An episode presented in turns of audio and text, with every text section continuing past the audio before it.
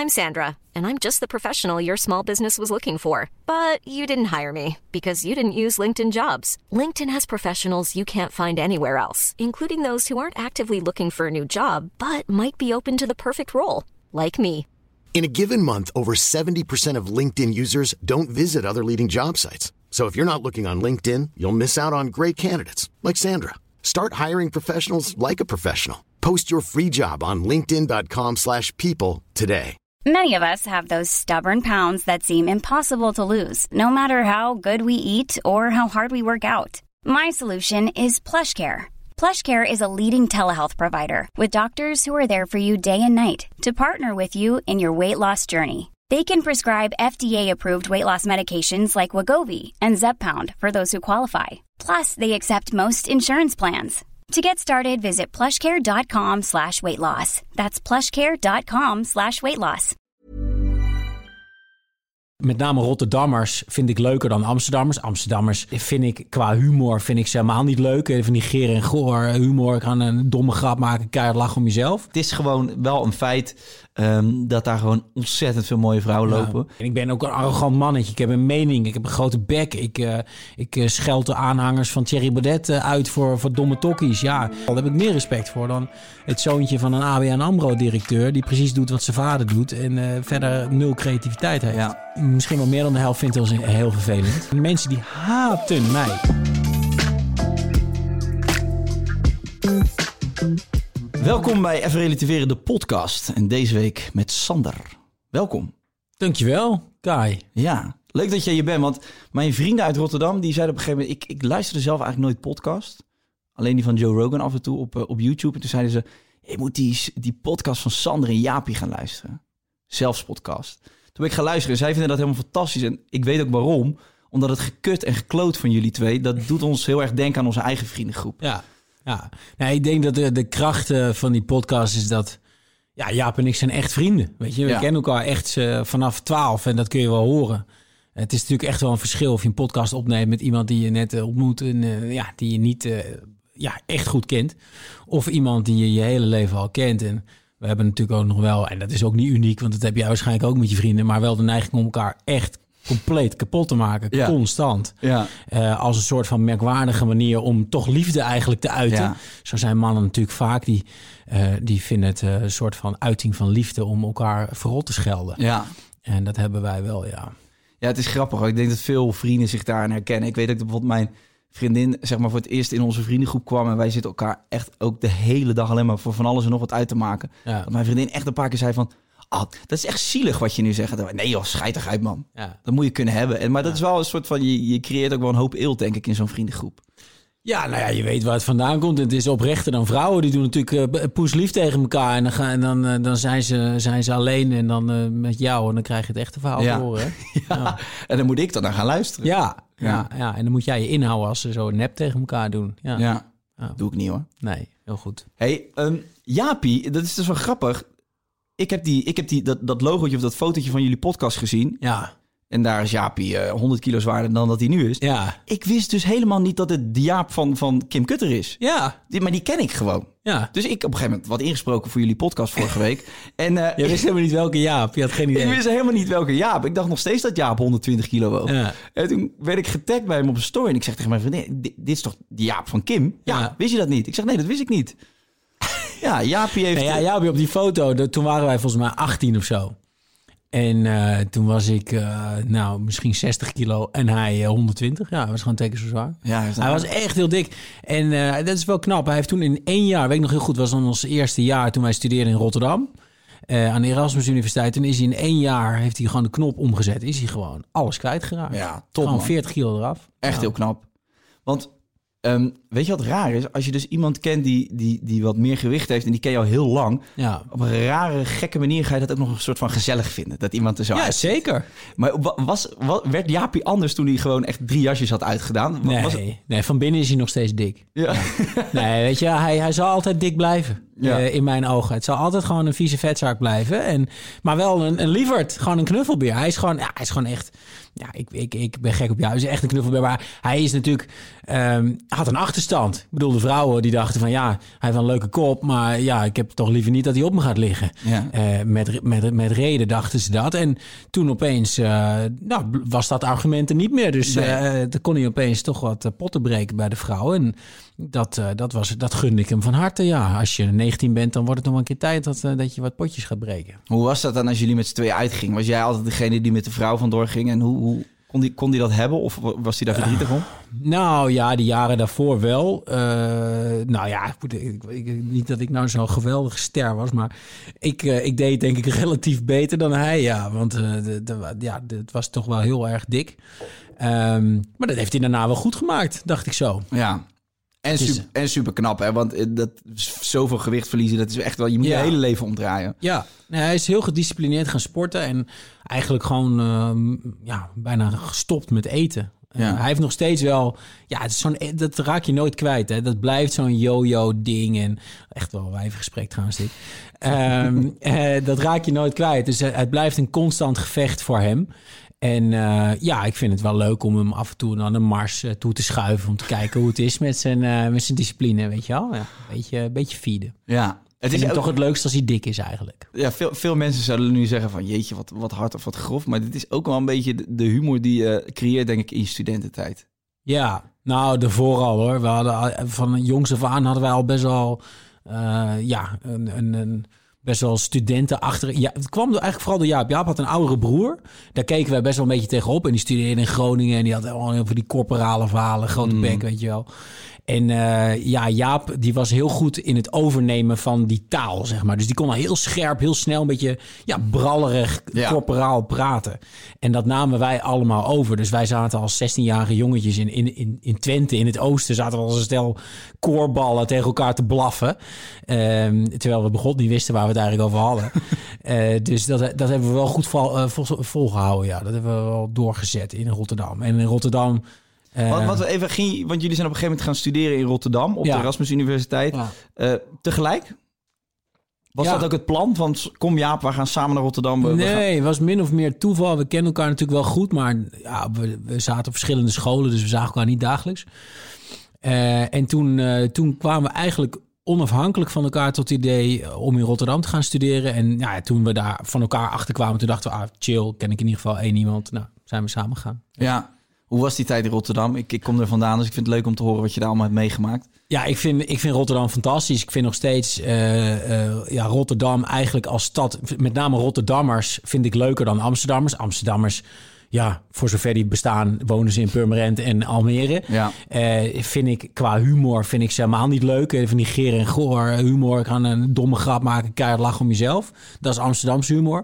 En Rotterdammers zijn, vind ik, warmer. Dus ik vond het een, een prettige stad. We hadden best wel grappige buren, weet je, van die echte Rotterdammers. Waar, waar Rotterdam woon je? Kralingen, OC. heerlijk. Ja. Ging je vaak naar de bikini? Heel vaak naar de bikini. Ja, naar de bikini. En naar de beurs had je toen nog. En de, de Now Wow. En de, de Thalia Lounge. Ja. En god, man, die foute... Ja, van die tenten die dan één jaar open waren. En dan werd weer iemand doodgeschoten. en dan eh, moest hij weer dicht. Ja. En eh, nee, ik vond het toptijd. Het was natuurlijk wel echt nog een beetje ouderwetse studententijd. Dus eh, toen ik in huis kwam, was het eigenlijk heel normaal dat je daar gewoon eigenlijk vijf jaar op de bank ging liggen. En dat je toch wel goed terecht kwam. Weet je wel, de, de studiedruk was nog niet zo hoog. Toen ik daar wegging, was dat wel fundamenteel anders. Hoe lang heb je erover gedaan over je studie? Vijf jaar, dus ik heb het heel netjes gedaan.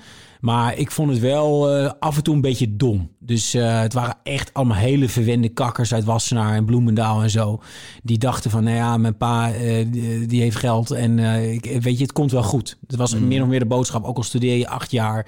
Het maakt niet zoveel uit, ga gewoon lekker veel zuipen en een beetje filmpjes kijken op de bank. Ja. En ik vond dat wel weinig ambitieus. Dat is, dat is denk ik wel veranderd daarna. Nu, nu, ja, nu zijn jonge mensen eigenlijk veel ambitieuzer. ja. Eh, Serieuzer ook. Ja. Toch even voor de mensen die zitten te luisteren en denken... de bikini, waar gaat het over? Is dat een lingeriezaak? De, de bikini was een... De wat- Bikini wat- Pilsner Bar. ja, wat, wat is dit eigenlijk? Ja, nou ja, wij, wij hebben, het koor heeft een sociëteit in Rotterdam, een foei lelijk, een soort betonnen bunker. Is dat, is dat dan... eh hoe, is Laurentius? Nee, of... Nee, oh, oh, oh, dat zijn de knorren. Oké, Daar dat gaan waren we- gaan we concurrenten. elkaar. Ja, nou, concurrenten. Ik bedoel, ja, eh, zoals RKC Waalwijk een concurrent van Ajax, is, laat ik zo zeggen. Ehm, eh, nee, de, de, de- wij, wij waren lid bij het koor. En de- ja, ja, dan heb je een sociëteit en dat is een soort, ja, in ons geval was dat een soort bunker. Dan kun je s'nachts gewoon de hoge drukspuit opzetten en is hij weer schoon.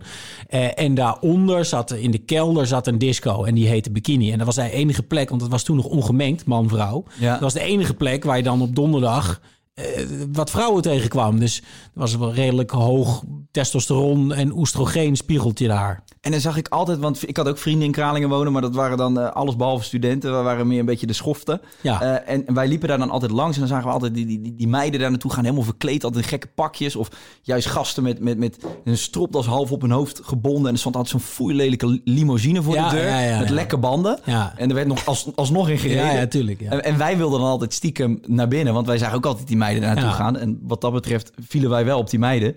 Die meiden niet bij ons, maar dat, eh, dat maakte niet uit. En wij werden er altijd met, met veel geweld dan vaak met politie en beveiliging dan toch weer uitgeschopt, want Ja. wij hoorden daar niet. Nee. Maar het was wel een begrip, bikini. Ik, ben, ik, Ja, ik, ik heb dat ik heb daar nog achter de bar gestaan. Ik was eh, barman in Bikini. Ja?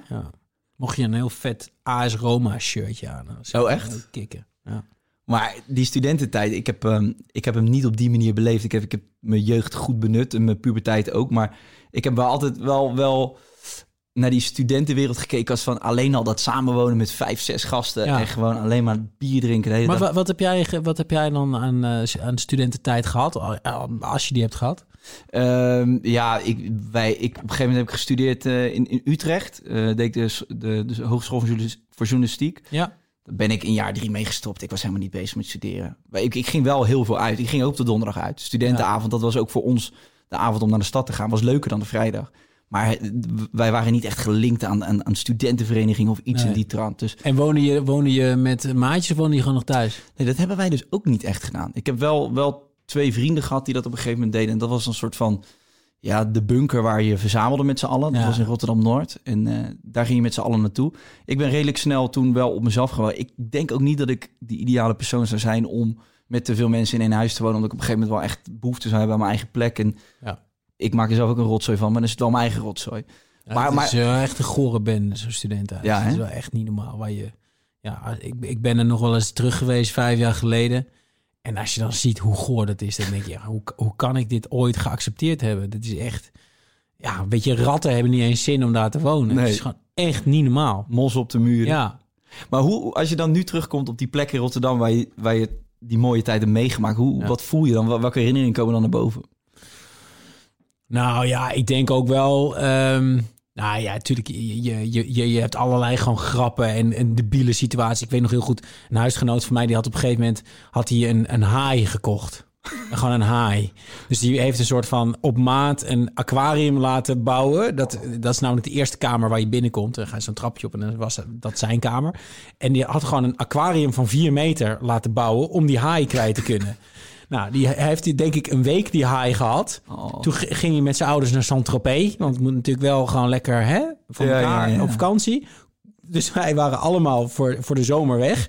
En dan was gewoon helemaal vergeten. Ja, die haai die moet gevoerd. En weet je... Dat, Ja, wat gaf je me? Wat geef je naar nou haai ja, te eten dan? weet ik veel. eh, beesten. vlokken? Ja, ja, makrelen of zo. Ja. Jaap. Jaap, ja, gewoon, gewoon, gewoon Jaap, eh, zijn zijn vet eh, erin gooit. Nee, ja, eh, en toen kwamen we terug van vakantie. Ik was de eerste die weer thuis kwam. Ik moest herkansingen maken of zo. En waren gewoon een week was iedereen weg geweest. Dus ik doe de deur open. Dan komt me toch een stank tegemoet. Echt, echt, ik heb nog nooit zoiets goors geroken in mijn hele leven. Dus ik kijk, ik loop de kamer in. Ik zie meteen gewoon die haai op zijn rug Ach, wat zie je. in dat stomme aquarium. Dus ja, dat, dat soort gedachten komen meteen binnen. En dan daarna, eh, eh, ja, daarna denk je wel van... Jezus, wat de fuck heb ik hier vijf jaar gedaan? Ja. Je, ik heb zo weinig gedaan. Weet je, ik heb rechten gestudeerd en ik heb nooit moeite gehad om te studeren. Dus ik liep daar eh, ja, gewoon doorheen. Mm. En ik had zoveel tijd om, nou ja, weet ik veel, te gaan vloggen. Nou, dat deden we toen nog niet vloggen. Met sms of zo. Snake, Snake op je Nokia sneken. 3310. Nee, maar goed, wel, ik had wel een bedrijfje kunnen beginnen. Het was eigenlijk een hele relaxte tijd. Er waren geen, was geen economische crisis. Alles ging goed met de wereld. Weet je, je had zoveel kunnen doen. Ik had meer kunnen reizen. Reizen was ook niet eh, heel erg in, Ja. in, in zwang toen. Ehm, ik had gewoon er meer uit moeten halen. Ik, echt, ik zat echt wel van, jezus, wat heb ik dan gedaan? Ja. Beetje, een beetje blijven hangen in dat... Ja, Ja, dit is het ging het alleen maar. maar over vrouwen en elkaar. En eh, ja, eigenlijk een heel, heel klein wereldje. Wat is, het, wat is het grootste voordeel eh, in jouw optiek om je aan te sluiten bij een studentenvereniging? Ik, ik heb het bijvoorbeeld niet gedaan en eh, wat bij mij op zou komen is dan dat, dat je op die manier een soort netwerk opbouwt al op Ja. jonge leeftijd. Is dat, is dat het voornaamste? Of? Ja, dat is wel het voornaamste. Het is natuurlijk ook... ehm, ja, mensen ontwikkelen zich in een groepsdynamiek. En niet iedereen vindt dat fijn of is er geschikt voor. Eh, dan, moet je, dan moet je het niet doen. Eh, maar de meeste mensen vinden, vinden zo'n groepsdynamiek best wel leuk en, en spannend. En je, je hebt een, toch een zekere hiërarchie. En je hebt te maken met eh, ja, onrecht of vervelende situaties. Dat je echt jong en, en je wordt klein gemaakt. En je hebt te, te maken met iemand die onredelijk is, maar jou wel kan vertellen wat je wel en niet mag doen. Is, het- dat, dat, en dat begint al vaak bij zo'n ontgroening, Ja. toch? Ja, en dat, en dat is natuurlijk toch wel een soort van nuttige les voor later. Want in, je- in je latere leven kom je natuurlijk ook in dat soort situaties terecht. En ja, ik, ik denk toch wel dat het nut heeft. Ik zou Ja. het toch wel uiteindelijk weer doen. En ja, je hebt toch wel gewoon ook heel veel lol. En, Ja. en, en dat netwerk, ja, dat is toch wel de doorslaggevende factor. Want ja, hoe je het ook went of keert, ik ken toch in heel Nederland. eh, eh, ja, ze komen toch vaak goed terecht, al die koorleden. Hoe je het ook went of keert. Je kent toch gewoon veel mensen. Ja. En dat is wel lekker. Ja, ik moet, eh, ik moet even terugdenken aan een moment, volgens mij een aantal, aantal maanden geleden of zo. Toen wa- waren die, die ontgroeningen begonnen weer en ik stond ergens in een kroeg in Rotterdam-Noord. En kwam een ventje langs van een jaar of eh, wat was het, 20 denk ik, 21. Die, die moest aan zo'n ontgroening meedoen en die zag mij. En die moest dan, eh, een van de opdrachten was, ga met een, ga met een bekende Nederlander op de foto. Dus toen kwam die aan en toen, wij zaten met echt tien vrienden in de kroeg. Dus toen hebben we gezegd, dan moet je ook tien pils met ons meedrinken. Dan krijg je die foto's. Die jongen die was katslam op een woensdagmiddag. Ja. Wij ook, trouwens. en, eh, Nou, dat schept een band. ja, dat schept een band. En die vertelde mij dus een verhaal. En eh, ik weet niet of dat dan weer aangedikt wordt. Maar er was één opdracht in ieder geval. Dat, dat iemand een lolly moest pakken. En die moest hem dan eerst nat maken, die lolly. En dan ging het hele huis ging daar vervolgens eh, een knipje schaamhaar opplakken. En dan moest hij dat nog een keer in zijn mond doen. Ja, dat vind ik wel echt sneu. Waar ligt die grens dan bij zo'n ontgroening? Ja, maar dat, dat, dat, ja, dat klinkt nou typisch als Laurentius. Ja, dat deden wij dus niet. Maar wat ik trouwens wel moest doen, ik moest wel, eh, we hadden een, vistrip met ons dispuut. Ja, Eh, en dan ging je in Scheveningen altijd kut weer, weet je wel, zeezieke ellende. Ging je makreel vissen. En dan, had je, dan heb je zo'n ding met, met vijf haken en dan komen er vijf makrelen omhoog. ja. En wij moesten dan scisseren wie een kop van een levende makreel moest afbijten. Ah ja, jeetje, een levende. Ja. Gadver, ja. is niet per se leuk hoor. Nee. Maar goed, eh, ik was één keer de lul. Ik heb gewoon gezegd, ja jongens, ik doe het niet. Ja, fuck you. Ik, ik dacht, Ja. kom ik maar niet bij de dispuut. En dan zeggen ze ook wel van, oké, dat doe dan maar niet. Ja. Je, ze testen je ook gewoon. Ben jij iemand die eh, staat voor wat je wel en niet wil doen? Of laat je je gewoon in elke hoek duwen?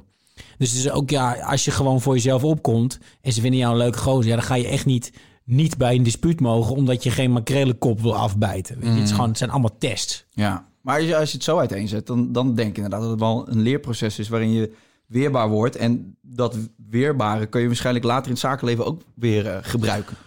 Ja, je moet het ook niet overdrijven. Maar kijk, groepsdynamiek en niet zozeer dit soort ontgroeningstaferelen, maar gewoon hoe verhoud je je in een groep met vier, vijf, zes, misschien wel vijftien gasten? Ja, dat is heel interessant. Ehm, want eh, ja, je- mensen zijn groepsdieren. Je komt altijd weer in een groep te functioneren. Zeker op werk, bij grote bedrijven. Elke afdeling heeft een soort van natuurlijke groep of grootte van zo tussen de 15 en 30 mensen. Dat is een soort van natuurlijke mensenroedel. En, en als, je, als je goed leert omgaan of ja, je rol kent in zo'n groep, dan is dat gewoon heel waardevol. En als je weet hoe dat soort groepsdynamieken werken, ja, dan, eh, dan eh, is dat altijd nuttig in je leven. Ja. ja, maar ik denk misschien wel een spe- een speelse manier om daar licht op, op voor te bereiden. Ja. Dus, Ja. hey, ehm, Sander, heb jij eigenlijk veel te maken met, met vooroordelen? Ja, heel veel. Ja. Ja. Je hebt een achtergrond eh, van adel. Ik, ik wil daar eigenlijk niet eens over beginnen, Nee. omdat dat in ieder interview terugkomt. Dus ik ga, het ook, ga daar ook niet te lang over door. Maar wel, dat is natuurlijk wel een van de redenen waar we misschien extra te maken hebben met vooroordelen. Ja. Wa- Wat, wat zijn de dingen die, die de meeste mensen van jou denken of over jou zeggen? Nou ja, de voordelen zijn eh, inderdaad. Ja, ik, ik, ik heb die achternaam en, eh, en die achtergrond. En daardoor denken mensen natuurlijk al heel snel dat je verwend bent. Hè? Dat, je, dat je het eigenlijk niet zelf hebt gedaan. Eh, wat eh, eigenlijk heel gek is, want in de journalistiek heb je natuurlijk helemaal geen fuck eh, aan een adellijke achternaam of zo. Nee. Werkt eerder tegen je, denk ik. Ja, ja, denk het wel. Ja. Ehm, en nou ja, goed. En ik, kijk, ik, ik maak er natuurlijk ook wel een beetje een spelletje van. Ik ben ook een kakker, hè, in zekere zin. En ik ben ook een arrogant mannetje. Ik heb een mening, ik heb een grote bek. Ik, eh ik eh, scheld de aanhangers van Thierry Baudet eh, uit voor, voor domme tokkies. Ja, dan roep je het ook voor jezelf. Dan roep je het ook over jezelf af. Ja. Dus ik, ik ben ook wel bereid om een paar eh tikken te krijgen, want ik deel ze ook uit. Eh, dus dat vind ik helemaal niet zo erg. Alleen vooroordelen zijn wel vervelend. Hè? Net zoals ja, iemand met Marokkaanse achtergrond het vervelend vindt om aangesproken te worden op het Marokkaans zijn, vind ik het natuurlijk ook vervelend om aangesproken te worden op mijn titel. Alsof ik dan eh, ja, het niet zelf zou doen, of dat ik een soort van agenda heb, of dat ik bij de elite hoor, of dat ik iemands belang zit te verdedigen, of dat ik bij een soort clubje hoor van machthebbers. En nou, dat is allemaal gelul. Ik, eh, je mag mij aanspreken op wat ik zeg en wat ik denk en wat ik schrijf. Ehm, maar niet, eh, niet op, eh, op randzaken. Dat is, Nee. dat is nooit leuk. Het is denk ik mensen eigen om, eh, om, om mensen te willen kaderen en dan, daar dan gelijk allemaal dingen op te kunnen afvuren, zodat je gewoon denkt oké, die persoon is zo Ja. en dan mag ik er ook dit van vinden. Ja. En, en, en, en, als dan het tegendeel waar blijkt te zijn, dan vinden mensen dat heel moeilijk om van zichzelf toe Ja. te geven dat ze misschien te snel zijn geweest met conclusies. Ja. Heb je zelf wel vaak dat je eh, ehm, vooroordelen hebt over andere mensen? Ja, tuurlijk. Zeker als je jong bent, heb je denk ik zit je heel veel eh, vol met vooroordelen, omdat je ja, je wereld is dan heel klein. Hè? Je kent je eigen vrienden, die lijken vaak op jou, die zijn net zoals jij. Eh, naarmate je ouder wordt, kom je natuurlijk meer mensen tegen, ga je meer dingen van verschillende perspectieven zien. Ehm, hè, t- ik denk 15 jaar geleden ehm, had ik me niet kunnen voorstellen dat ik een Zweedse vriendin zou hebben die helemaal niet heeft gestudeerd. Dat had ik eh, waarschijnlijk had ik gedacht van nou ja, ik ga toch niet eh, met iemand die niet heeft gestudeerd. Daar zou ik geen relatie mee willen. Dus je, je, je wereld is als je jong bent toch vrij klein, omdat je denkt eh, ja, dat de directe omgeving die je dan hebt, dat dat de wereld is. En naarmate je ouder wordt, kom je erachter dat, ja, dat de wereld eigenlijk veel interessanter is en dat er veel er veel meer te halen valt uit de wereld dan alleen maar dat kleine koorwereldje in mijn geval. En ehm, ja, dat, dat, dat maakt je denk ik interessanter als mens. En dat maakt je leven ook interessanter als je dat leert waarderen en daar open voor staat. En ehm, eh, ja, ik, ik, ik denk dat ik, eh, ja, eh, ik, ik ben blij dat ik die ontwikkeling heb doorgemaakt. Er zijn natuurlijk ook vrienden van mij die, die wel zijn blijven hangen in een klein wereldje. En dat gebeurt heel veel mensen natuurlijk, dat ze toch een vrij klein wereldje hebben en, en weinig interactie hebben met mensen uit andere werelden, andere landen, andere sociale omgeving. En ehm, dat is natuurlijk toch wel, eh, ja, dat zorgt ervoor dat mensen langs elkaar leven en niet met elkaar. En dat je toch eh, allerlei vooroordelen hebt. Ja, ik denk ook dat eh, als, als hoofdredacteur van De Quote je eigenlijk ook geen vooroordelen kan hebben. Omdat alle mensen die jij daar tegenkomt op hun eigen manier succesvol zijn geworden. Ja. En iedereen een andere achtergrond of misschien wel een ander verhaal heeft. Ehm, Ja. Heb je bijvoorbeeld wel eens dat, ehm, dat je vooroordelen over iemand had... Die, die later bijvoorbeeld een goede vriend van je is geworden... of op een andere manier zakelijk misschien heel goed gegaan is? Of... Nou ja, ehm, eh, het, het leuke van Quote is dat ehm, Quote gaat over self-made mensen. En ehm, daarom, vind ik het ook, daarom vind ik het ook zo kut als mensen suggereren dat ik ja, het niet zelf heb gedaan. Dat, het, dat ik bij de tv zit omdat ik schimmelpenning heet. Het verslaat natuurlijk echt helemaal nergens Ja. op als je erover nadenkt. Maar goed, sommige mensen zeggen dat echt. En dat, dat hebben alle ondernemers of alle ambitieuze mensen... die willen het zelf doen. Die willen laten zien, ik heb dit zelf gedaan. En dat is het mooie van Quote, want daar schrijven wij over. En dan, dan zie je dat, eh, dat er gewoon een heel groot verschil is... tussen self-made mensen en mensen die ja, het in hun schoot geworpen eh, krijgen. Hè. De, de, de self-made, eh, de, de, de, de lijst die we nu hebben met jonge mensen... die vind ik ook veel leuker om te maken dan de quote 500. Want dat zijn vaak erfgenamen. Hè. De, nummer 1 is mevrouw Heineken. Die Ja. heeft nog nooit een dag in haar leven gewerkt. Ehm, het, het leukste zijn de verhalen van mensen die er zelf wat van willen maken. En eh, dat, ja, dat zijn de meest inspirerende mensen die ik tegenkom bij Quote. En, en, en het mooie is om te zien dat ja, die komen uit alle hoeken. Dat zijn nog wel te, te weinig vrouwen. eh, maar het zijn wel superveel mensen met Turkse, Marokkaanse achtergrond tegenwoordig. Vooral in de jonge generatie. Eh, helemaal niet allemaal eh, hoog opgeleid bijvoorbeeld. Ehm, ja, dat, en, en dan heb je wel eens een vooroordeel. Ik, om één voorbeeld te noemen. eh, Tom Steentjes, heb jij waarschijnlijk nog nooit van gehoord. is een Brabantse gozer en die, eh, die ontmoette ik toen een keer. En eh, die stond ook in die self-made lijst van ons. En toen dacht ik, jezus, wat een, wat een domme gozer, joh. En eh, die vertelde van, ja, ik ben op mijn vijftiende van de MAVO getrapt. Want ik kon niet leren. Toen ben ik gaan lassen. En ja, dat vond ik wel leuk, lassen. Ja. Toen is hij productielijnen voor kipnuggets gaan lassen. Ja, die moeten ook gelast. Ja, En, en daar heeft hij een waanzinnig bedrijf mee opgebouwd. Heeft hij gewoon voor 25 miljoen verkocht of zoiets. ja tof. En toen had hij dat verkocht, was hij in de 20. Toen dacht hij, ja, ik vind lassen nog steeds heel leuk. Ik ga gewoon wat anders lassen. Is hij speedboten gaan lassen? Heeft hij nu weer een fantastisch bedrijf? Nou, dat soort gasten. Dan kun je als arrogant koormannetje denken van... wat een domme lul Ja. met zijn gelas. Ja, dat zijn hele leuke mensen. Weet je, dat is een echt mooi verhaal. Daar heb ik meer respect voor dan het zoontje van een ABN AMRO-directeur... die precies doet wat zijn vader doet... en eh, verder nul creativiteit heeft. Ja. Mom deserves the best, and there's no better place to shop for Mother's Day than Whole Foods Market. They're your destination for unbeatable savings, from premium gifts to show-stopping flowers and irresistible desserts. Start by saving 33% with Prime on all body care and candles. Then get a 15-stem bunch of tulips for just $9.99 each with Prime. Round out Mom's menu with festive rosé, irresistible berry chantilly cake, and more special treats. Come celebrate Mother's Day at Whole Foods Market. Ja, en ik denk ook dat bij ehm, dat, dat bijvoorbeeld ik, ik kon ook slecht leren en ik, ik werd alleen maar heel erg zenuwachtig van, van binnen die kaders van zo'n van zo'n school moeten lopen en eh, ik vond het moeilijk om te schrijven. Ik schreef kut met DT Ja. en ik heb op een gegeven moment gekozen om weg te gaan uit die omgeving, Ja. omdat ik daar ik merkte dat ik creatiever werd naarmate ik gewoon op mezelf ging vertrouwen en niet op, op, op de boeken of op wat een leraar mij vertelde. En ik zie wel eh, mensen die ik ken om mij heen die, die succesverhalen hebben ehm, op het gebied van ondernemen. Het zijn vaak wel mensen die Ja. gedurfd hebben om op vroege leeftijd weg te stappen bij zo'n school, omdat ze juist op dat moment pas zichzelf konden ontplooien. Ja, nou ja, ondernemer. Kijk, ondernemers zijn ook meestal geen intellectuelen. Weet je, dat zijn niet mensen die, eh, die eh, ja, erg kunnen genieten van boeken lezen of zo. Eh, dat zijn gewoon doeners. En dat, dat, dat is ook het mooie van ondernemen. Daar hoef je dus niet per se super slim voor te zijn. Al is wel de trend dat de. De mensen die echt hard gaan, hè, de, de, de Atjens en de Jitse Groen en zo, dat zijn natuurlijk best wel hele slimme techni- technische gasten. Hè. Dat zijn wel eh, de nerds, de Silicon Valley jongens, eh Zuckerberg. Maar ook omdat Elon de wereld Musk. zich daar nu voor leent, toch? Dat alles is een beetje in die, in die Ja, hoek. ja tech, tech, is natuurlijk, ehm, ja, dat is wel een hele competitieve markt. En daar, dan, dat zijn wel de allerslimste jongetjes die die eh, wedstrijd winnen. Ja. Eh, maar dan eh, ja, in de wat kleinere bedrijven die dan niet miljarden waard zijn, is er nog steeds eh, ja, onwijs veel te ondernemen voor mensen die helemaal niet zo super slim zijn. Nee.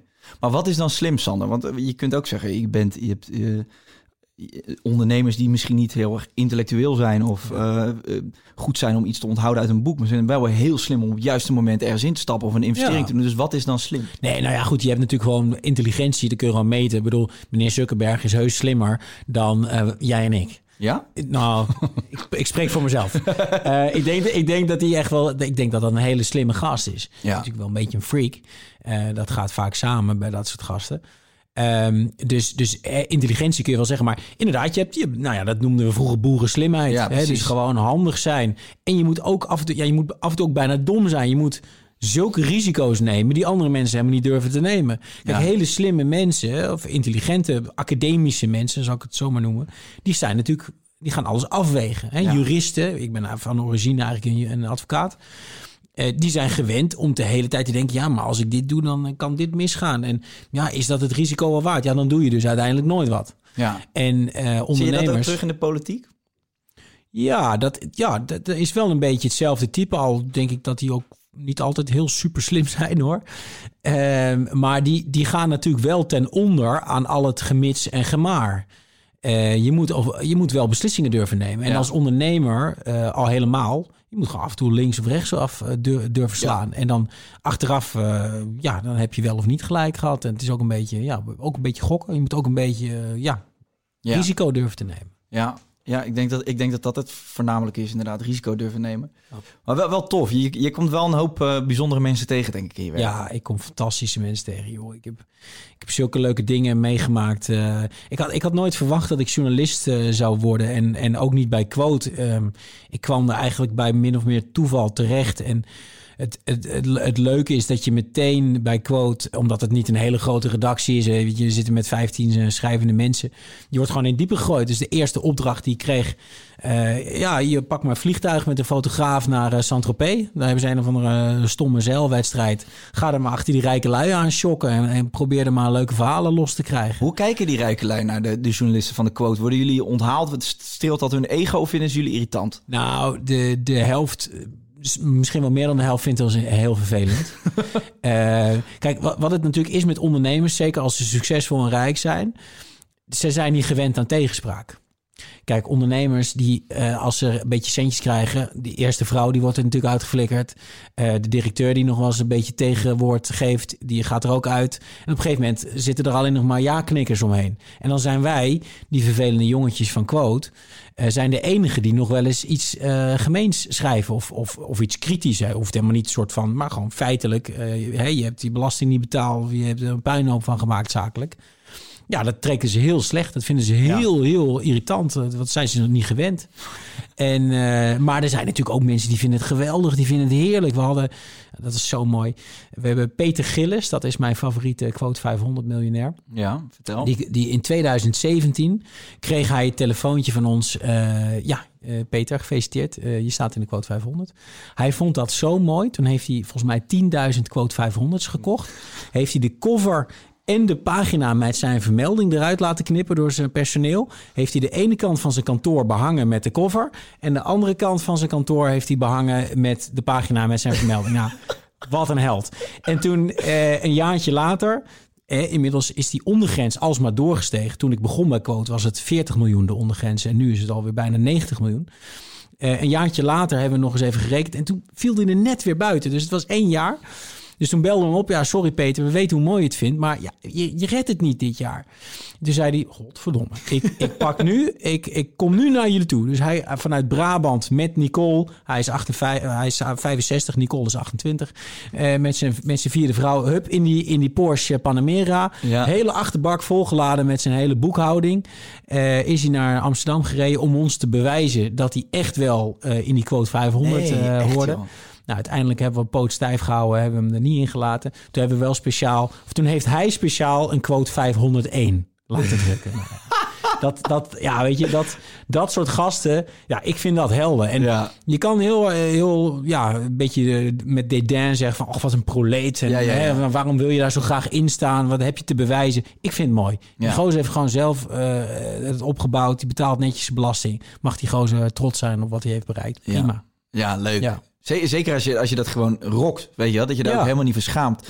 Um, denk je dat, is, ne is Nederland een land waar, um, waar het moeilijk is om een miljonair te zijn in de zin van dat mensen direct dan al iets van je vinden? Ik heb het idee dat, dat bijvoorbeeld in een land als Amerika, waar alles wat meer overdreven is, maar waar het wel wat meer gewaardeerd wordt als je succes hebt en daar mag je dan ook best over praten. In ja. Nederland is het altijd van, joh, doe maar, doe maar normaal. Ja. Uh, merken miljonairs in Nederland dat ook? Hoe, hoe wordt er naar miljonairs gekeken?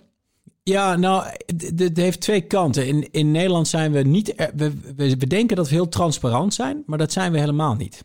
Uh, we zijn niet transparant over geld en dat vind ik slecht.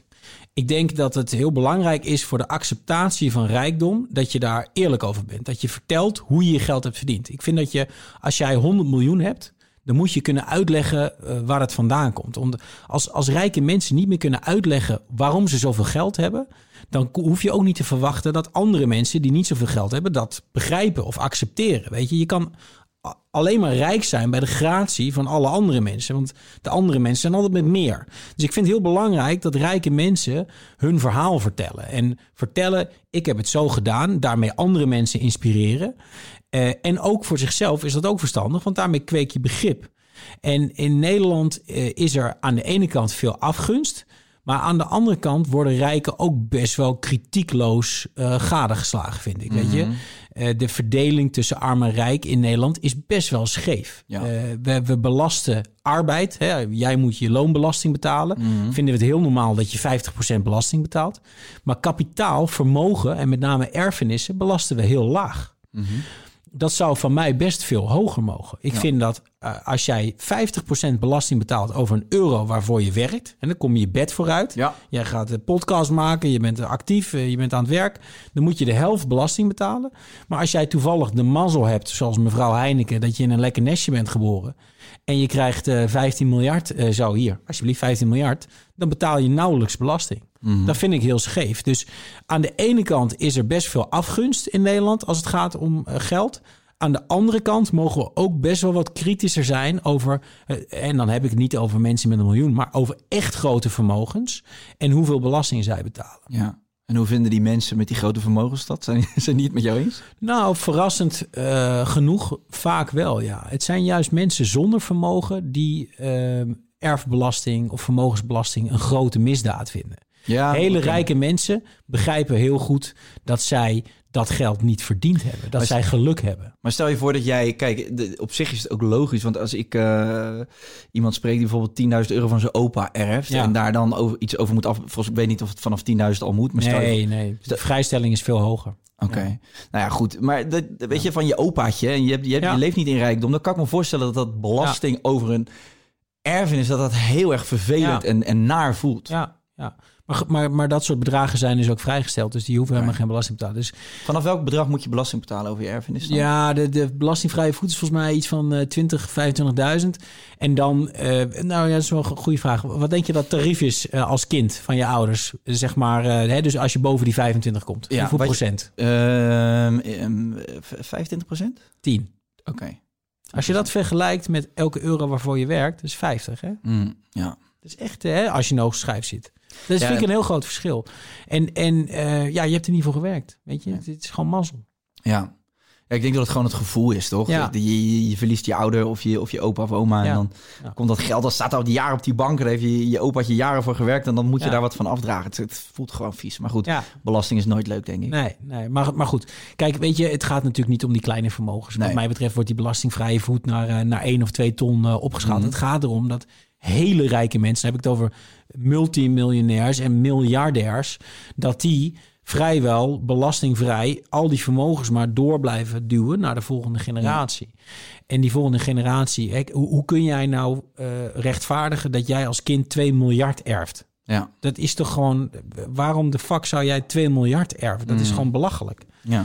Ehm, en, en die discussie vind ik wel relevant. En vaak begrijpen rijke mensen dat beter waarom dat eigenlijk gevaarlijk is eh, dan eh, niet zulke rijke mensen. Ben je zelf miljonair eigenlijk? Nee, Nee? nee. Wel, het- di- wel dichtbij, denk ik. Ja? Ja. Streef je daarna? Is dat dan Zeker. Ja. Een doel op zich? Of... Nou, is geen doel op zich. Kijk, ik vind financiële afhankelijkheid wel, eh, wel belangrijk. Ja. Omdat ik, ik, ik zit natuurlijk ook, net zoals jij, in een toch een beetje gekke business. Weet je, er is geen Ja. carrièrepad voor Kai Gorgels of Sander Schimmel ben ik. Wij doen maar wat. En eh, de mensen vinden ons leuk en het kan morgen weer anders zijn. Dus, eh, en ik, ik, ben, ik ben toch meer een maker dan een presentator, vind ik. Ik hou van schrijven, ik hou van echt journalistiek werk. En eh, ik wil wel zo snel mogelijk de vrijheid hebben om eh, gewoon te doen wat ik wil doen. En niet na te denken, oké, ik ga dit nu maar doen voor het geld. Ehm, eh, terwijl ik het eigenlijk niet eh, per se nuttig of leuk vind. Ehm, dus nee, ik, ik vind de vrijheid ehm, in mijn carrière om alleen maar te doen waar ik zelf zin in heb, vind ik wel heel groot goed. En, en dat komt met financiële vrijheid. Ja. En, en doen waar je zelf zin in hebt, dat ben je ook wel echt aan het doen. Je, zit in zoveel verschillende hoekjes op dit moment. Je bent Ja. ook ineens, je presenteerde wel, maar je bent nu ineens een, een presentator echt. En je wordt ook Ja. zo benaderd. En hoe, hoe gaat dat je af? Vind je jezelf een goede presentator? Hoe kijkt, de- hoe kijkt de, de, de Nederlandse televisiekijker naar je? Nou, eh, ik ben, eh, ik ben eh, natuurlijk eigenlijk helemaal geen presentator. Ik ben journalist. Ehm, ik heb een beetje tv-ervaring, maar ja, ik vind het bizar hoe, ja, hoe de NPO eigenlijk ja, twee onervaren mensen nou wel moet. Hè. Mijn, mijn compagnon is natuurlijk wel ervaren, maar ik, ben, ik had nul ervaring. En dan gewoon ja, eigenlijk eh, in de spits bij Ajax eh, neergezet, eh, terwijl Ja. je nog nooit heb gevoetbald. Dus dat was wel, dat, daar namen ze een behoorlijk gokje mee. En eh, het, gaat, eh, het gaat eigenlijk heel goed. We hebben goede kijkcijfers en eh, de, de, de chemie tussen mij en Welmoed is heel goed. Eh Dragon's Den doe ik natuurlijk ook, maar ja, dat is heel makkelijk, weet je. Dat is in een studiootje, eh, dat is allemaal niet live. Ehm, ja, en, en wat, wat, wat ik wel moeilijk vind, is... eh, ja, eh, je bent in het midden van het publieke oog. En ik heb anders dan bijvoorbeeld Jeroen Pauw of uh, Jinek of Bo. Ik heb natuurlijk een mening. Ik heb een kleur. Mensen vinden mij af en toe echt afschuwelijk. Er zijn mensen die haten mij. Omdat, Ik, uh, ja, omdat ik een hele sterke mening heb. Ik schrijf ook columns. Ik, ik, ik, ik, ja, ik deel natuurlijk echt wel uit af en toe. En dat is voor een presentator ongebruikelijk. De meeste presentatoren hè, van Jeroen Pauw of Eva of, of Bo... weet je eigenlijk niet zo goed wat ze ervan vinden. Ja, Pauw heeft nog wel, uh, die kan nog wel echt even, even op zijn strepen gaan staan, waardoor je toch, toch iets, iets merkt van dat hij ja, ergens iets maar van dat is meer in het ja, dat is meer eh, in het gesprek kan hij een kritische vraag stellen, maar Pauw schrijft geen columns. Hè? Pauw geeft niet zijn mening over dingen. En dat maakt mij toch kwetsbaarder voor uh, de publieke opinie. Kun je, kun, je, kun, je, kun, je, kun je bij op één nu volledig jezelf zijn en uh, kun je je eigen mening daar veel laten horen of word je beperkt? Heb je een harnas aan? Nou, het, ja, ik, ik maakte me vooraf, ik heb heel lang getwijfeld of ik het moest doen. En uh, ik maakte me met name zorgen over dat element van kan ik wel mezelf zijn, kan ik mijn mening geven. En zij hebben altijd gezegd, um, ja, natuurlijk moet je dat doen, dat hoort bij jou en daarom vragen we je. Dat is juist wat we willen en jullie zijn ook een duo. Dus uh, als wel moet wat meer ja, de presentator is, mag jij best af en toe even uitschieten. Uh, maar toch ja, is dat moeilijk. Want je merkt toch aan de reacties dat het niet echt van je verwacht wordt. En ik vind dat nog wel moeilijk, als ik eerlijk ben. Welke reacties krijg je nu daar vooral op? Nou ja, kijk, um, um, uh, ik, kijk, als ik een mening geef, dan weet je, daar zijn mensen het mee eens of niet. Ik bedoel, dat is heel, heel duidelijk. En, en daar kan ik heel goed mee omgaan, want uh, dat ben ik gewend.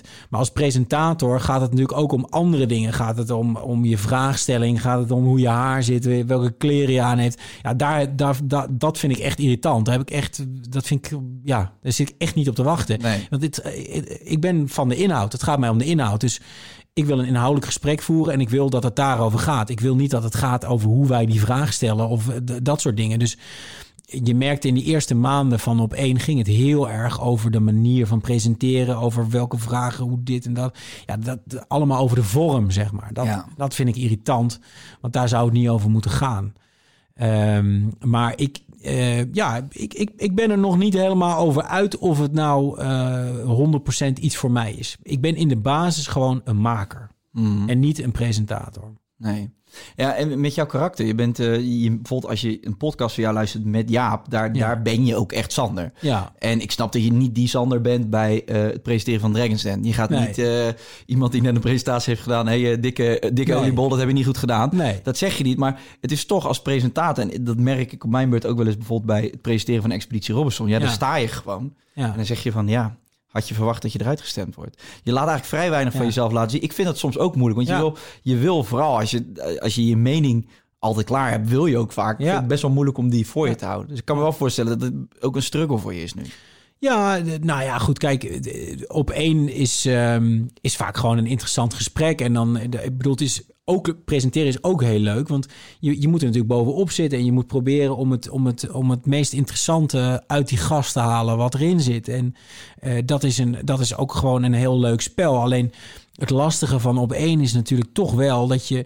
Uh, je zit er maar één keer per week. En dan is het heel moeilijk om in dat ritme te komen. Ja, dus snap ik. Het is toch een, een lastig concept uh, om dat even naast je gebruikelijke werk te doen. Want je, je komt er toch minder goed in.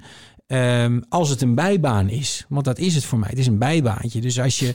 Ja, als ja, je, klinkt gek. Dat klinkt heel gek. Ja, ik zit gewoon voor, voor, ja, voor anderhalf miljoen mensen zit ik soms een bijbaantje te hebben. Ja, dat is natuurlijk eigenlijk in de basis idioot.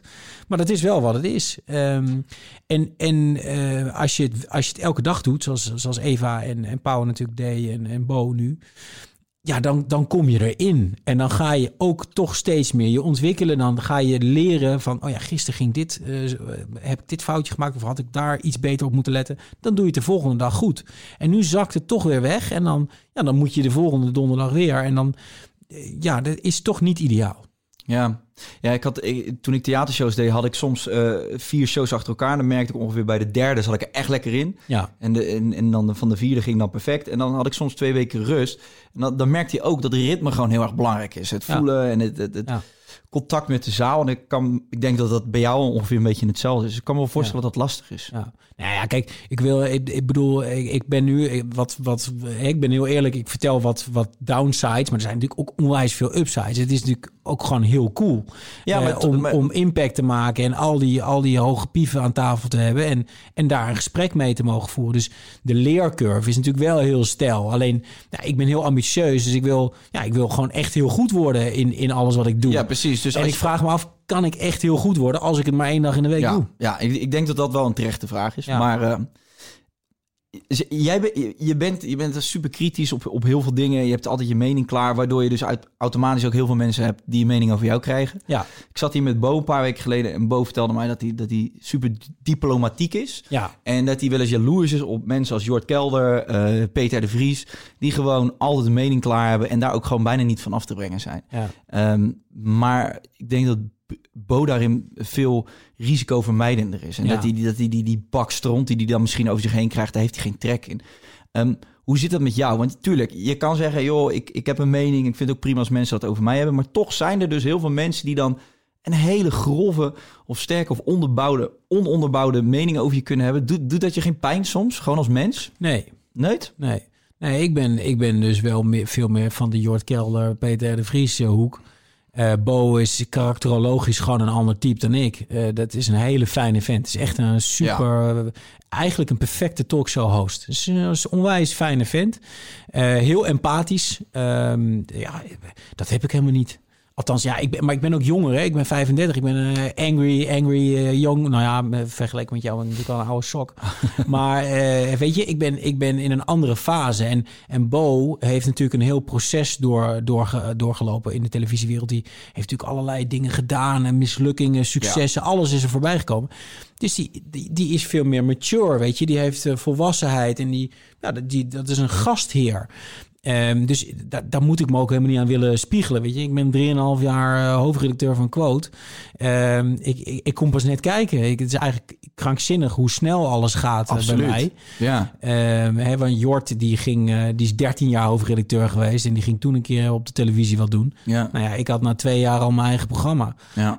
Dat is natuurlijk eigenlijk heel, heel absurd van De deze golden tijd. boy. De golden media boy. Ja, ja, maar dat, goed, dat geeft dus ook wel weer heel veel eh, ja, stress Ja. en, en keuzes die je moet maken. Maar goed, je vroeg, wat ben jij dan?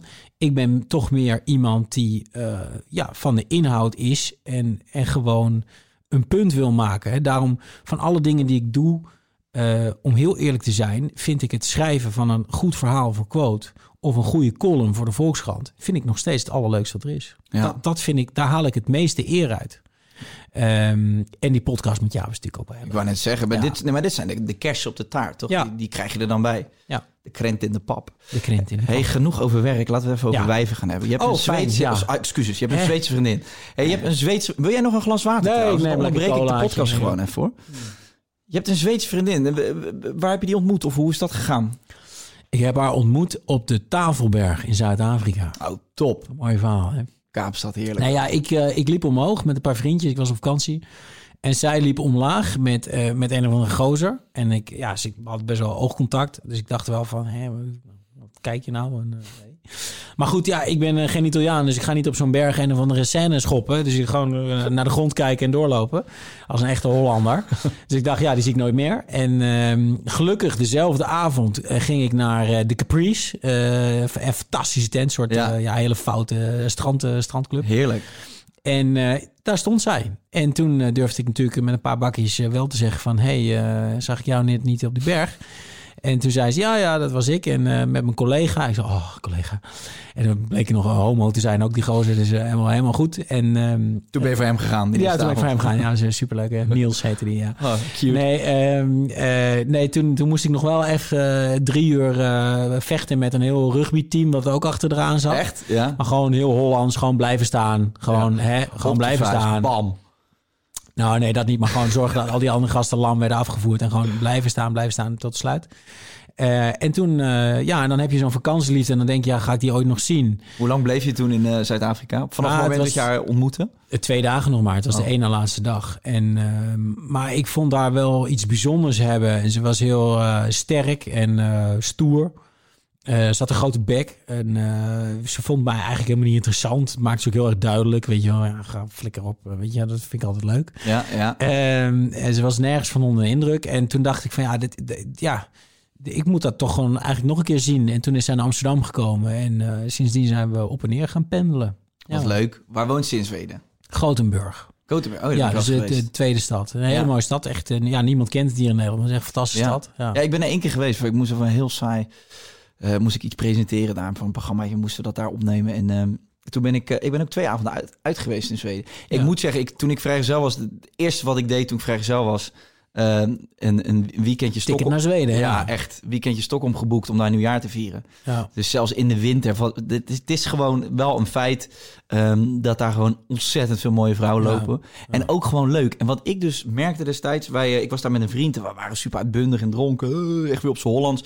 Wat, wat, wat Nederlandse vrouwen over het algemeen irritant kunnen vinden. kwamen allemaal Zweedse vrouwen op ons af. En die zeiden, we zien dat jullie niet uit Zweden komen omdat jullie zo uitbundig zijn. Ja. Die Zweedse mannen die zijn allemaal zo statig. Ze en zijn die, saai. die zijn Ze saai. zien er goed uit hoor, moet je eerlijk Zeker. zeggen. Fit. Fit, eh, well-dressed, Ja. maar fucking saai. Ja, dat zeiden die Eh, meiden ook, ja. Ja, dus de Zweedse vrouw en Nederlandse man is een hele goede match. Want eigenlijk cultureel ja, verschillen we ook weer niet zo heel Nee, veel. precies. Alleen die vrouwen zijn... eh, die hebben veel meer pit dan Nederlandse vrouwen. Ja, sorry Nederlandse vrouwen. Maar Nederlandse vrouwen zijn... Nee, Nederlandse vrouwen hebben, hebben wel pit en hebben, zijn gezellig, hebben grote bek. Maar ze zijn ook toch wel vrij conservatief. Weet je? Ze, ze- ze- echt hard werken vinden ze ook niet per se heel leuk. Eh, ja, nee, ja, dat, zijn gewoon cijfers. Ehm, en, en die Zweedse vrouwen zijn best wel heel stoer. En die Zweedse mannen zijn dan weer een beetje, een beetje slappe Beetje lafjes. Ja, dus dat matcht goed. Hey, en hoe heet ze? Lotta. Lotta. Lotta. En dat is nu, de, de- die relatie, hoe lang hebben jullie nu een relatie? Eh, ja, ruim vier jaar. En er komt nog geen moment dat, dat een van jullie, of zij naar Amsterdam of jij naar Gothenburg.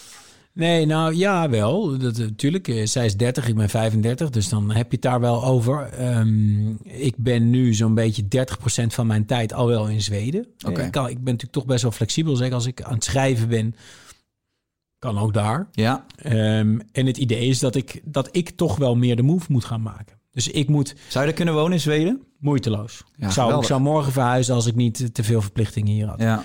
Maar ik, ik, ik kijk, zij, dat is ook het fijne van Zweden. Die hebben best hele liberale, moderne ideeën over het leven. Dus zij, zij zegt, weet je, als jij hier eh, meer heen komt... Ik, ik ga nooit van jou eisen dat jij hier 100% van je tijd bent. Als jij hier 60% van je tijd bent... eh, dan kunnen wij samen een leven opbouwen. Dat is voor mij genoeg.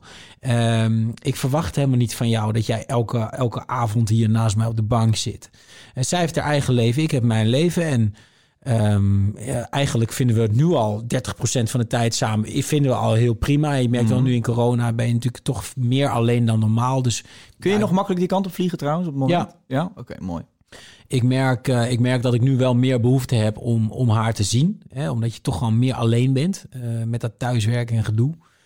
Eh, maar ik denk dat, eh, dat in de toekomst, eh, ja, de bal ligt meer bij mij dan bij haar. Ja. En zij, bedoel, zij, zij heeft haar werk daar. En dat is verboden. Zij doet oesters. Ja, wat doe, ja, ik zag... Ik zij zag is oestervisser. Maar hoe kik is dit Ja. beroep ook? Dus zij duikt wilde oesters van de bodem van de zee. Duikt ze, ze duikt zelf in... Ja. Zo, maar hoe, hoe dan? Hoe kom je op dat beroep? Nee, ja, haar, vader, haar vader was duiker en die repareerde eh, schepen onder water. Dat is soms goedkoper dan de hele boot moet optakelen en boven water. En die, die kwam erachter dat in die archipelago, dus al die, al die mooie eilandjes voor de kust eh, bij, bij Gothenburg, dat daar heel veel wilde oesters op de bodem liggen. Dat hadden wij vroeger ook, maar die, de hele zee is natuurlijk naar de kloten bij ons. En wij hebben alleen maar ge- gefarmd oesters, dus gekweekte oesters. Nou, die vader is dat gaan rapen en die verkocht dat gewoon als bijhandeltje op de visafslag.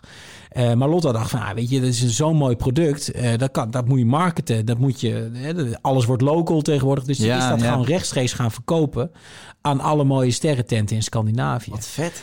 En eh, ze doet ook oester safaris. Dus dan gaat ze met mensen uit Stockholm of, of Gothenburg. Ga je met een fles champagne ga je het water op. Dan mogen die mensen zelf die oesters duiken.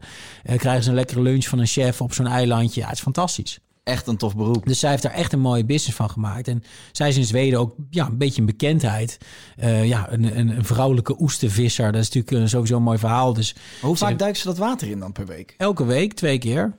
En hoeveel halen ze er dan uit per... per... Ja, 2000, 3000. Maar Nee. zijn, zijn heel... eh, ja, ze- je raapt elke keer 3 euro van de bodem. Maar, Want, want- want ze, zijn, ja, ze zijn, worden heel duur verkocht. Ze zijn wilde oesters. maar ze zijn niet een keer op dan? Nee, dat is mooi van de natuur. Hè? Dat wordt gewoon bijgedrukt. Ja, bizar man. Ja, Ja. als je er iedere keer 2000 uittrekt en je gaat er twee keer per week in, zou je toch denken dat je dat een keer leegvist? Nee, ze hebben dus, eh, dat is het mooie, ze hebben concessie om echt, door al die eilandjes, hè, oesters groeien dicht bij de kust. Dus eh, vlak bij het strand, dus ondiep water, vijf meter diep, zoiets, maximaal. Maar ze hebben er heel veel eilanden, dus je hebt extra kustlijn. Je hebt heel veel kustlijn. Dus je hebt ook heel veel oesters. Ja, wat grappig. Ja, Ja, dus dan, dan is automatisch ook... is het vrij logisch dat jij die kant op gaat. ja. En dan weet je, als ik daar ben en, en je, je ziet hoe fantastisch mooi het daar is en die natuur. Ja, hoe kan ik dan zo'n meisje naar, naar Amsterdam, naar drie hoog achter trekken? Dat, dat, dat kan ik niet maken. Nee. Dat wil ik ook helemaal niet. Nee, en ik denk ook dat dat inderdaad wat meespeelt. Dat Zweden gewoon wel, ook wel een heel prettig land is. Ja. Kijk, als zij in Hongarije of ergens Precies, anders als, als zij in, eh, in eh, Tajikistan woont, ja, Ja. dan wordt het een ander verhaal. Ja, grappig. Oestervissen. En eh, dus dat is vier jaar gaande en eh, toch wel even leuk. Zijn we dan ook al bezig met kinderen en dat soort dingen, Sander? Of vind je dat nog een Nee, moeilijk ik onderwerp? ben, eh, nee, ik vind het geen moeilijk onderwerp. Ik vind kinderen heel leuk. Mijn zusje heeft een, een dochter en een, en een zoontje. En allemaal heel leuk. Ik ben er niet mee bezig, nee. Ik denk dat de meeste mannen ook toch wel niet de voortrekker zijn in dat gesprek, laat ik het zo zeggen. Dat ze meer, eh, dat dat toch vaak van de vrouw komt die zegt van, nou, ik vind het nu wel eens tijd. En dat mannen zeggen, oh, oké. Ja, Ehm, ja, zo gaat het vaak. Ehm, mijn vriendin zegt niet dat ze dat nu wil, dus ik zeg ook niet oké. Eh, dus we gaan gewoon door met onze carrières en eh, zij heeft geen haast en, en ik ook niet. alright. Nee. We gaan het afwachten. Sander, we zitten volgens mij op 55 minuten. Hartstikke man. fijn, lekker volgeluld. Ja, Bedankt voor je openheid. Ik vond het gezellig. En eh, ja, kom nog eens een keer terug, zou ik zeggen. graag gedaan, dankjewel. Succes met alles. Bedankt voor het kijken en luisteren, dames en heren.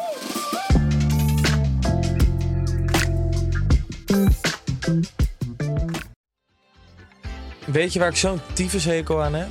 Toeristen, als het te druk is in de stad, zelf koken. Ja, alles wat je nu zojuist benoemt. En daarom maken jij, denk Daan Hogevorst, En Robert Rodenburg. een podcast waarin we alleen maar klagen. Want klagen is HET medicijn tegen het collectieve leed wat maandag heet. Dus elke maandagochtend een nieuwe te horen op je favoriete podcast app. Maandag Klaagdag! Jezus, zingen moeten wij nooit doen. Mom deserves the best, and there's no better place to shop for Mother's Day than Whole Foods Market. They're your destination for unbeatable savings, from premium gifts to show-stopping flowers and irresistible desserts. Start by saving 33% with Prime on all body care and candles. Then get a 15-stem bunch of tulips for just $9.99 each with Prime. Round out Mom's menu with festive rosé, irresistible berry chantilly cake, and more special treats. Come celebrate Mother's Day at Whole Foods Market. Hey, it's Paige DeSorbo from Giggly Squad. High quality fashion without the price tag. Say hello to Quince. I'm snagging high-end essentials like cozy cashmere sweaters, sleek leather jackets, fine jewelry, and so much more. With Quince being 50 to 80% less than similar brands. And they partner with factories that prioritize safe, ethical, and responsible manufacturing. I love that. Luxury quality within reach. Go to quince.com slash style to get free shipping and 365 day returns on your next order. Quince.com slash style.